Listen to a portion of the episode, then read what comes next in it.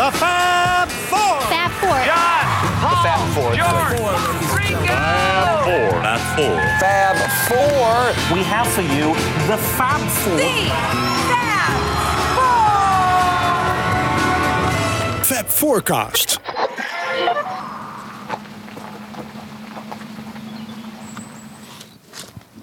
Hello, Mr. Murray.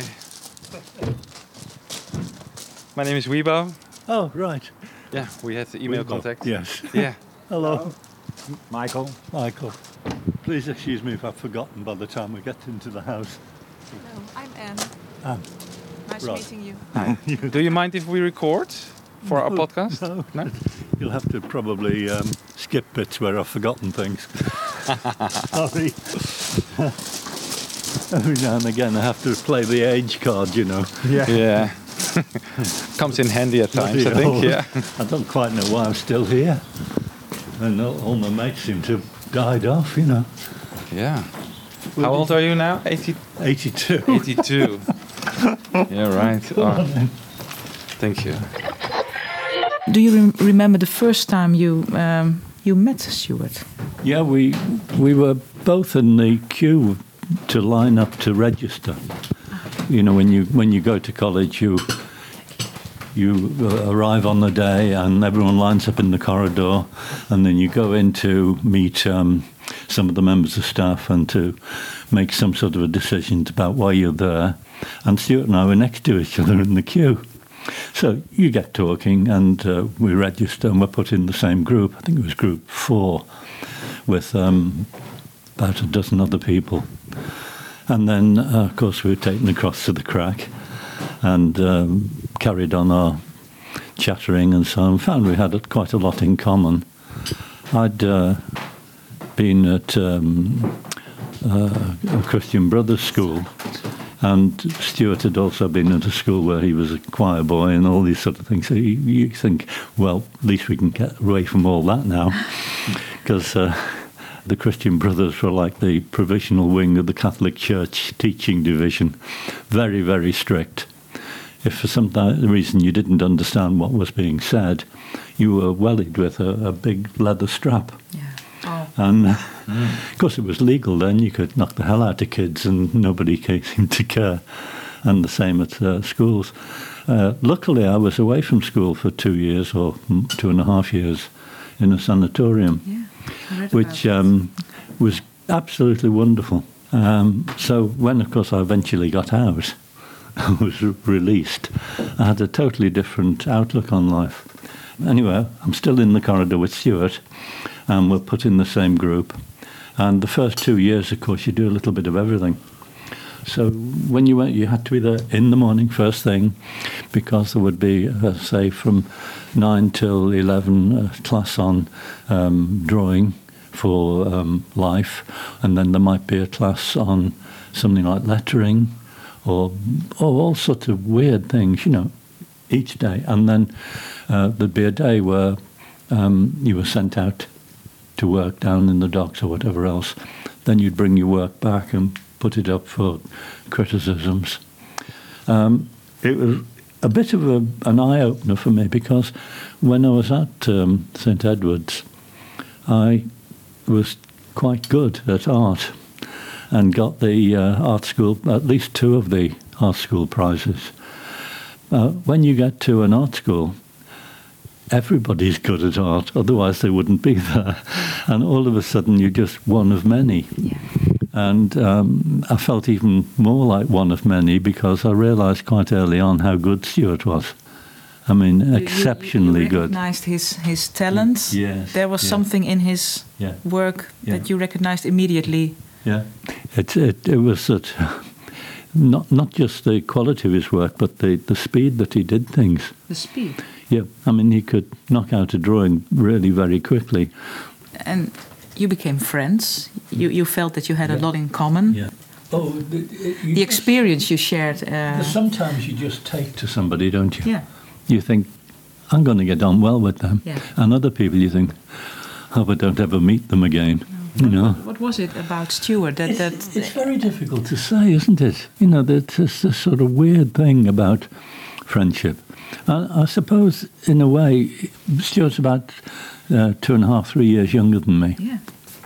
I'd been away from school, so all the people that um, I was friends with when I was at school before I went away to the sanatorium, when I got back to the year at school, had gone. They'd left. So I had no sort of close friends, and I haven't any brothers or sisters or close relatives.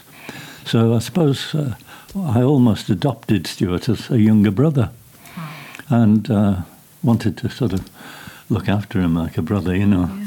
Um, And can, can I ask you something about his character? Because in many of the pictures that we have of him, he's never smiling.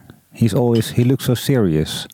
Was he fun to be with? He did have teeth, so he could smile. I remember this. Um, yes, he was. Yes, uh, I mean, quite often he was fairly serious, particularly about his work. Yeah. But I mean, I can show you some of his drawings and cartoons. That would be great. Have a lot of lot of humour.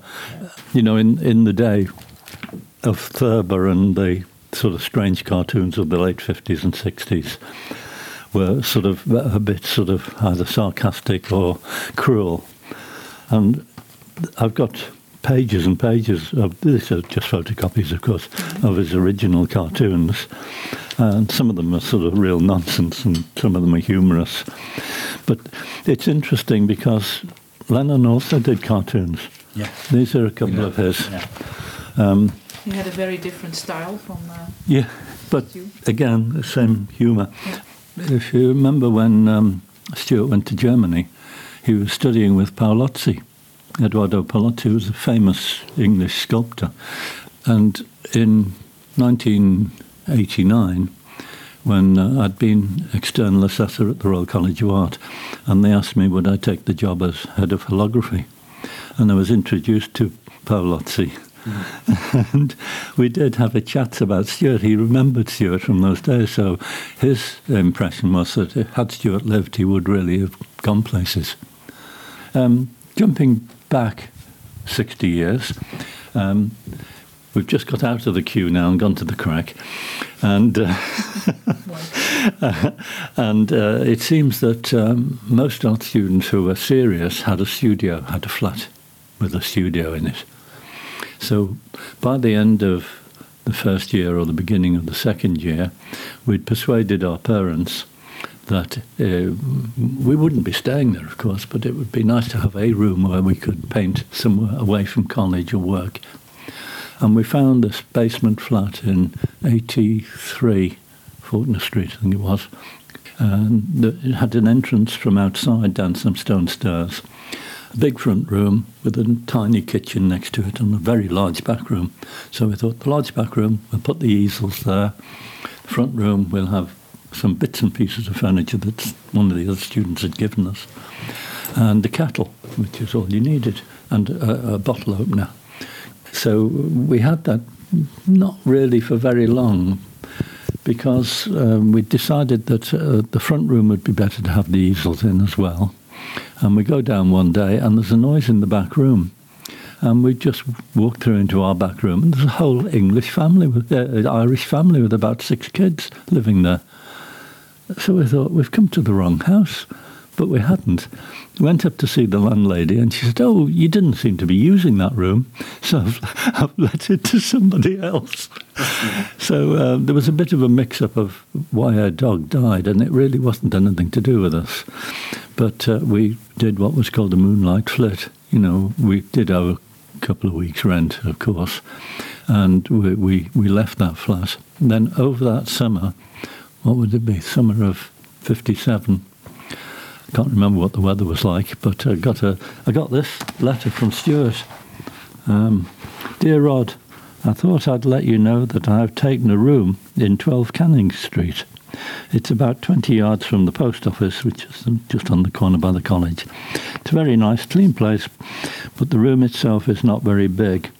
But it's furnished in a way, and light, and enough to work in.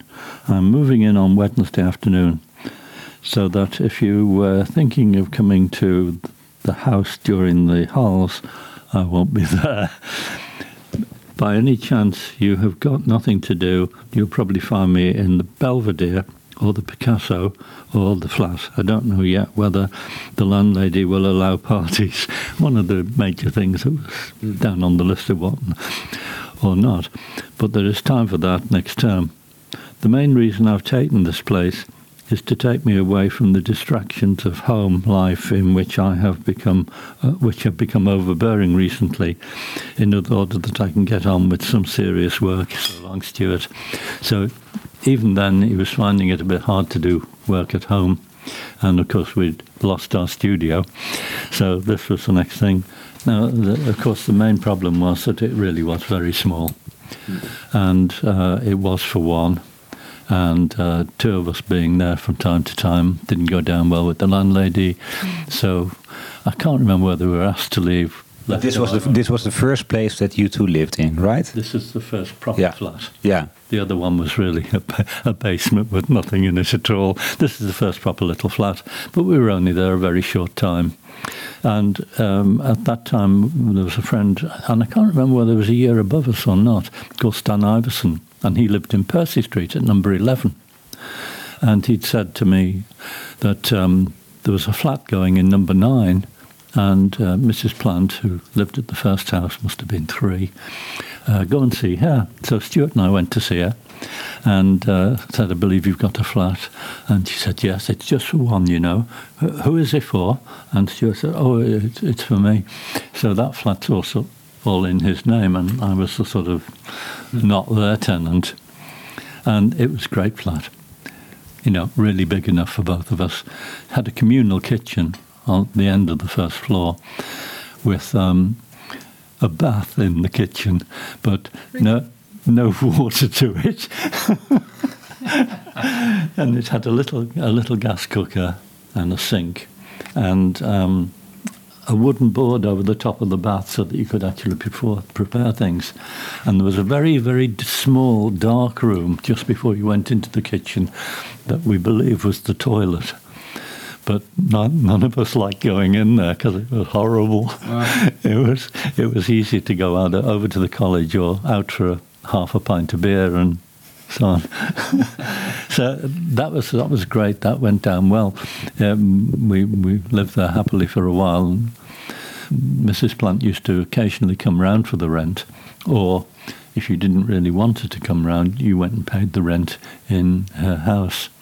But if you were caught out, and this would never be allowed by health and safety anymore, I wouldn't guess, because um, if you heard her come in and she made a noise that you recognised, I don't know whether it was jingling of money in a bag or something, um, you'd go up the, to the top flat, and there was a little cupboard in the corner of the um, where the top stairs ended, and at the back of the cupboard there was a little door which opened into the next house, into their cupboard, and you could escape.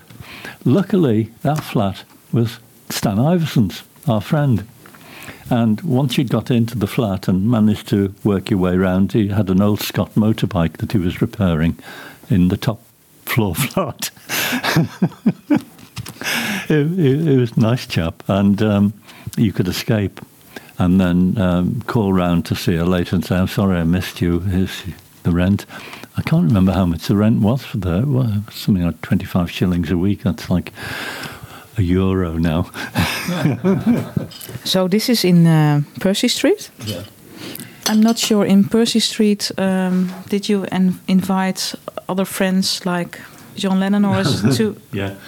Well, Par- Percy Street was great for parties because the chap in the front room was a university student and the chap downstairs was either deaf or uh, never there.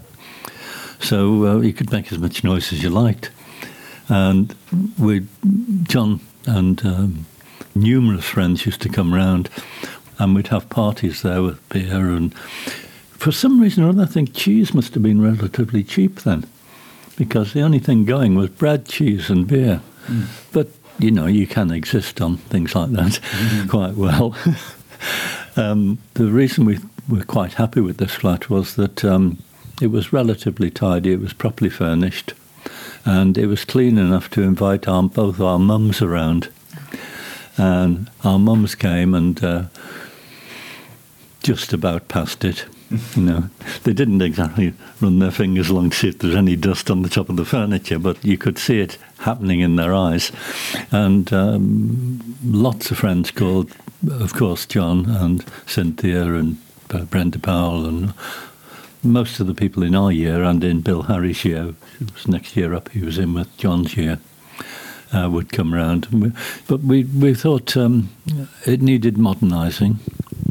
Um, we thought the old fireplace, uh, these big old marble fireplaces, people don't want those anymore, do they? So we thought we'll take that out and we'll have a, a more modern fireplace with, um, you know, a piece of aluminium and some tiles and big opening. So then, after we'd taken it out, we had to decide how to get rid of it. So we had to take it into little pieces, and um, Stuart then thought it would. The furniture looked a bit old as well. It was mahogany and old-fashioned. We painted it with uh, some sort of emulsion paint, I think, early emulsion paint, black and white stripes and circles and dots and so on. And we thought it looked wonderful. Then we thought, "Mm, probably not a good idea to let Mrs. Plant in, so we must always pay the rent somewhere else. Of course, we needed coal and wood. There was a lot of wood in the basement. Pieces of old furniture and things, scrap, you know, rubbish, old chair legs and stuff like that. So we thought, we're, we're helping here, we're tidying the basement up, we'll, we can burn some of that, and we could get some coal, um, some of it from the central heating or the heating in the art school must have been coal or coke because there's a mountain of it in the backyard. And one of the old ladies who was the um, cleaner there used to leave a little cardboard box of it near the uh, back door of the college, which we could pick up. So at least we were vaguely warm in the flat. So that that went fine. Then it started that you know we were bringing in ladies back and wanting a bit of privacy because there's nothing between the bed in one side of the room and the bed in the other side of the room. And uh, I think Stuart had a, an old gramophone, one or two other things, and an easel, and not a lot of room. So one of us would make ourselves scarce and go to the pub for the night. And then uh, that worked okay until, of course, John Lennon started wanting to stay with Cynthia. Another side of it before we were thrown out was I'd been to buy a, a tape recorder from John Lewis, and um, the big thing at the time, you know, reel to reel tape recorder. And it was that tape recorder in that front room of mine where the first um, John and uh, I remember John and uh, Paul being there, probably George, um, playing their guitars, and we made tapes on it. So they were already there in that flat. Yes, this would be the early part of 59. I think we'd had a party, and um, I woke up. I wasn't, I was not quite, I had- hadn't quite made it to bed. I think I was on the floor in front of the fire, which had more or less gone out. Oh, I thought, oh my God. And it was Mrs. Plant, the landlady, on a surprise visit. And uh, she threw everybody in the house out, whether they were involved in the parties or not. We were all thrown out. And this was before you moved to the next flat. the- G- G- before Gambi- Gambier Yeah, yes. but at some point in time you moved there, and that was a place where uh, John, Paul, and George, Oh, yeah. uh, Mike McCartney, maybe uh, Yes, Mike uh, they came there frequently. Uh, can you tell something about that place? Okay. Um, so we um, we were thrown out of um, Percy Street, and we were given time to find another flat. I don't quite know who told us, but there was one going in Gambier Terrace, which was a whole floor on the first floor. Um, we went round, and at this time it was in my name. It was a sort of rota system, and uh, anyway, it worked out that if it was just Stuart and myself, we'd be paying quite a lot for it. So at the time, um, Diz Morris and Margaret Duxbury were wanting to get out of their flat. So they decided they would join us, and they were briefly with us. And then John wanted to move in as well, just He, about. t- he took the back room, Ira, right? He was he yeah. shared the back room with Stuart. The big back room was this communal studio, the big front room was our sort of living room. That's the one that overlooked the cathedral. And um, I had that as a bedroom, and the small room next to it was where Diz and Ducky had. And then it was Ducky moved out, and Rod Jones moved in, and John Lennon moved in, but with Stuart in the back room. So it all worked out very well, and it was a super luxurious flat compared to the others because it had a bath with a hot water geyser and a separate toilet that um, was considerably cleaner than the one in Percy Street, uh, and a kitchen. And uh, we had to get a gas stove though because there wasn't a gas stove there. But you could um, connect the gas stove up, which we bought, to um, uh, a tap on the wall. Again, you couldn't do this nowadays. It wouldn't be legal, you know. And we all had our own shelf in the kitchen with our own tin of beans in and dried spaghetti or whatever else we, we cooked. So this this was a flat where uh, also Paul McCartney, George Harrison uh, came. They regularly came there and they used to practice their music there, of course.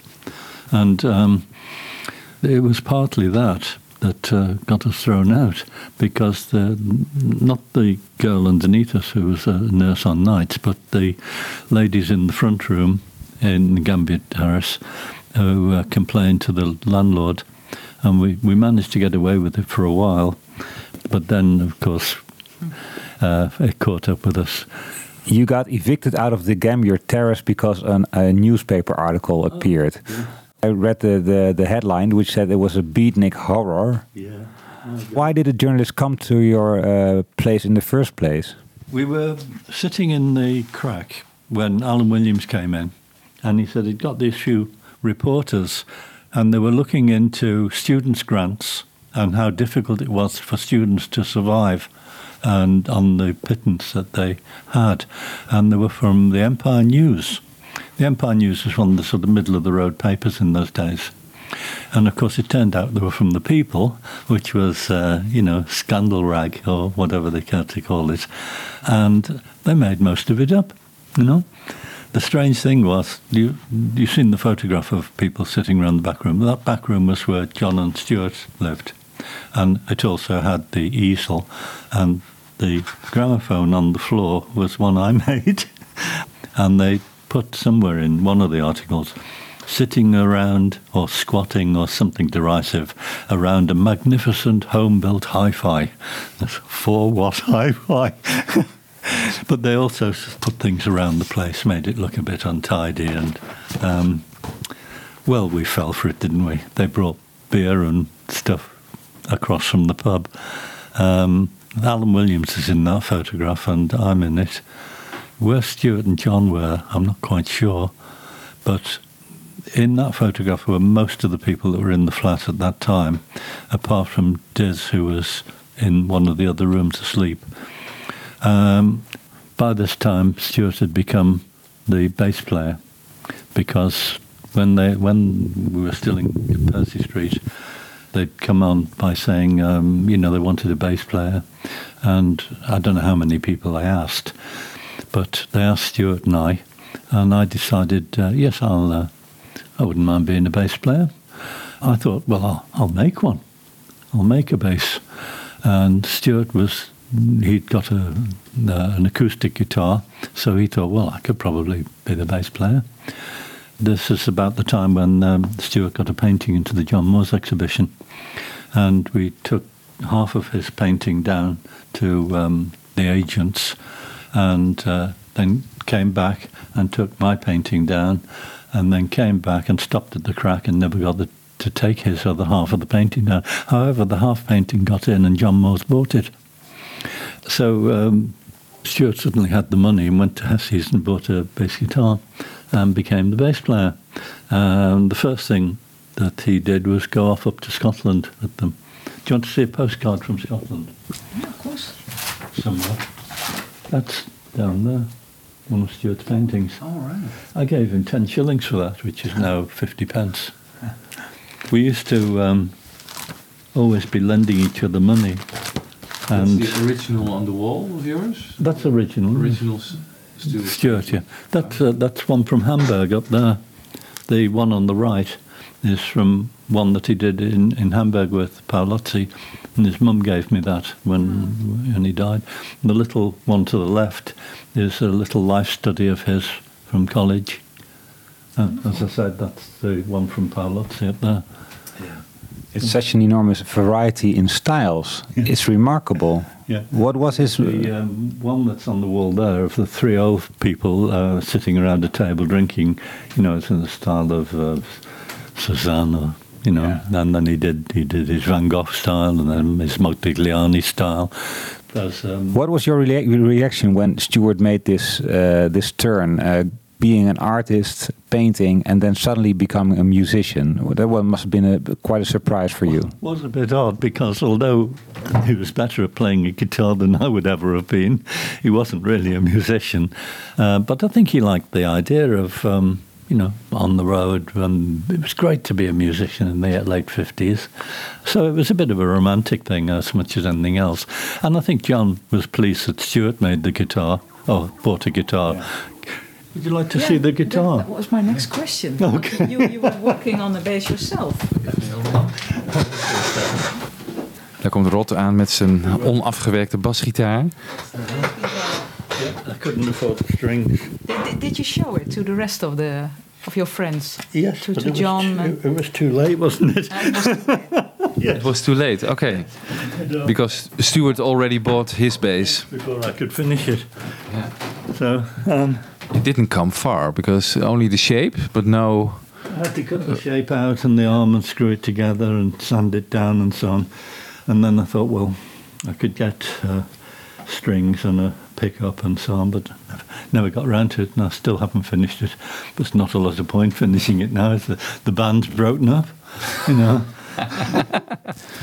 And um, uh, Stuart went to Hamburg and came back um, fully in love with Astrid. What were your impressions of her? I thought she was lovely. This letter uh, from Stuart, it's the one where he mentions that he's met a lovely young photographer girl. It's somewhere there. Is it dated? No. No, no date on it. We're not very good. It says Bruno Koschmider Betriebe. Yeah. That's uh, like 1960, it must have been, at the end of 60. But did he bring her along to Liverpool or? Yes, yes, he came back. I was going to say before he died. Of course, he'd come back before he died.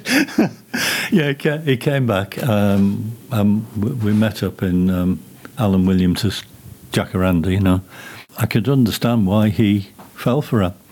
Uh, his mum wasn't that impressed. And for some reason or other, they stayed in Alan Williams's flat in, I think it was Huskisson Street. And I saw them there as well. And then he was going to be my best man when I got married. Um, we'd moved round to 64 Falkner Street. And then, of course, um, he died, didn't he? You know, it, it just came as a big shock. Were you aware of his health problems? No, not really. Um, I, he'd always been what I thought was just awkward. You know, he'd, he'd, he'd trip over things and, and bang into things. But then I haven't got a good sense of balance either, so I thought, well, isn't everybody like this? And evidently they're not. Some people have got good sense of balance, but he did stumble and fall, and whether this had anything to do with it or not. And it was very unclear at first when um, uh, went to see his mum what the results of um, his death was. I think it was sent over in German, and somebody translated it, and it was still, you know, what does that mean? Don't know. Still don't know. Really, I don't anyway. Somebody might. Yeah. It's a brain hemorrhage. Uh, that's what the books say. Yeah. So um, I was told by um, somebody who had a message to get in touch with me. You know, I w- went round to see Mrs. Sutcliffe. She sort of adopted me as a sort of surrogate son. Well, I, I was wondering. Uh, uh, the news came that Stuart had died. Yeah. Must have been an, an awful day to hear it, and um, uh, his body had to come back to Liverpool. Yeah. What, what do you know about those days, that week?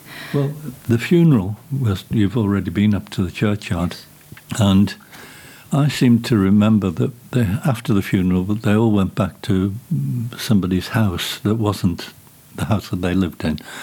And I'm sure that I remember Astrid being there and Klaus. Klaus says he uh, it was his first trip to Liverpool, and he remembers it made an impression. So Yeah? Do, do, do you remember the actual day standing on the cemetery? Yes. With And obviously the Beatles weren't there. no. It wasn't about the Beatles that day. It was about close friends and family. It was a small group. Yeah. Alan Williams was there as well. Was he? Yeah. Do you know? Uh, I'm not surprised because I think Alan liked Stuart. how did you view uh, the friendship between Stuart and John? I don't know whether I, I viewed it at all, really. It was just, uh, we were all friends, you know. But they were very close, and you were very close with Stuart as well. Was there, uh, um, like uh, Paul and Stuart, that wasn't very uh, match made in heaven because he was jealous of his. Terribly well. Well, I think Paul was uh, more of a perfectionist. John would have had Stuart in the band whether he could have played or not. Paul wanted somebody who was a professional bass player, somebody that was good. So the, and I can't blame him for that, really. Uh, Stuart wasn't a musician, not in the same terms, you know. Can I ask you about uh, the friendship between John and Stuart? Because uh, what what was the influence of Stuart on John? Did you see in his uh, later career an, an influence of Stuart? Uh, uh, I'm trying to think. Uh, um, obviously, John was impressed by Stuart's ability as an artist and also as a sort of um, thinker, I suppose. Uh, I think Stuart was just regarded uh, by John as uh, a mentor, even though he was. Was Stuart John? No, they were not far short of the same age, were they? Four months or something. Yeah, not much in it. Yeah. we mentioned it in our podcast that Stuart was like the art director of the Beatles. Could you agree with that? Well, uh, a lot of their uh, look came from Stuart and uh, Astrid. The, the haircut, the colours, uh, and all sorts of stuff like that. And it, it it's interesting in um, the letter that uh, mentions Astrid that towards the end of the letter, Stuart says and he bought a leather coat and how much it was by comparison to in England, you know. In Germany, leather coats were quite cheap. So when they got back, of course, they were all in leather, weren't they? You know. I had a theory uh, which I uh, came up with yesterday that um, uh, Astrid and Stuart were, of course, very close, and Astrid mentioned in her uh, interview in the in the book that she became him and uh, he became her. And when I read that, I thought, well, that's exactly what happened with John and Yoko later in life. John was An interesting, interesting comparison. Yes. Ah, yes, it, it, it was definitely Yoko that turned John in a different direction, wasn't it? yeah. I was very sad when George died. He was such a nice guy. Did you stay in contact with uh, John or George or, or the others? Briefly at the beginning of their fame, yes, but afterwards we we went in different directions. You know, I stayed in the art business. Do you have one specific fond memory of Stuart or John? Do you know, I'd, I'd be hard put. I'd have to think for a while about that. Um, I, of John, um, memories it would be running together a number of memories of being in the Cracke, and him sort of um, poking fun at people. Re- really, you know, the, the people with a pipe. He'd say, "Oh, that's a bad tooth you've got there, governor, or something." And I mean, that was one of the reasons we were, we were barred from the Cracke quite a number of times but uh, eventually we were given to come back. And I think memories of Stuart mm, in my old Morgan, just going up and down. There's a Portland cement factory in Wales, and the girl I was going out with at the time called Elsa. Her father was the manager of it, and we'd get in my old Morgan and drive to this factory where we'd have parties and all the rest of it, and just the two of us in the car, you know. It, it, it was it was nice, and I'd regularly go up to Huyton, um, pick him up, and we'd go somewhere. I would like to ask about the alternative group that you formed, the Dissenters. what can you tell us about that? Because it's not, it wasn't the music group, was it? Stuart and Bill and myself and John were good at grumbling about things. You know, the the the state of students' grants and where, where the world was going, and of course this was the advent of really the um, nuclear problems. And we, we'd go in the Cracke and sit in the corner and muse about the state of the world and how we would run the art school if it was up to us. And for some reason, uh, it, it appeared much later that uh, we'd been meeting, and I think Bill Harry called us the dissenters. It was his idea to. I think to so, yeah. Yeah, but you sp- Uh, spoke actually to each other. We are going to make Liverpool famous or Oh, something yeah, like that. Yes. Well, we, we hadn't intended leaving, you see. We'd all intended, because it was a hub of activity, all sorts of things were happening embryonically at the end of the 50s, which carried on into the 60s. Are you still in contact with Bill Harry? Because Oh, you, you yeah, two are the, the two surviving members of the dissenters. Uh, it's, it's a bugger, isn't it? You know, that uh, all the people that were in the flat, John's dad, Stuart's dad, Margaret Duxbury, d- um, Ducky's dad, Rod Jones died. What was that old thing that people used to say? Um, I used to read the obituaries every morning to make sure I'm not in it. You know, before, How- how before I back- get up. How do you look back after so many years? Um, on- on- it was a, it was a, it was one part of my life. Fortunately, you know, I've had lots of other interesting things that happened right the way through my life. I taught at the art school in Liverpool and developed the holography department. Then the Royal College of Art in London was wonderful. I was at Imperial College working on programs for lasers and things. So you So- went on with your life. Yeah, you you didn't yeah. stay in the past. No, no. I mean, I've kept the mementos. Yes. but they're not my life. No. You know, I've, I've moved on and done lots and lots of other things. That's beautiful. Yeah. And I'm, I'm just surprised that I can remember as much of it as I can. Can I ask you one final question Sure. about Stuart? If you had to describe him in, let's say, three words, how would you describe Stuart Sutcliffe? Talented, uh,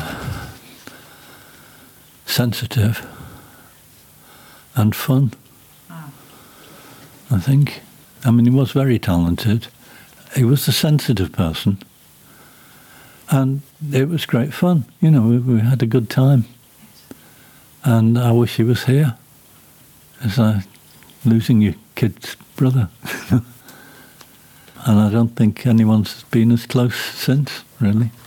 Fab Forecast. Luister ook naar Fab Forecast via beatlesfanclub.nl.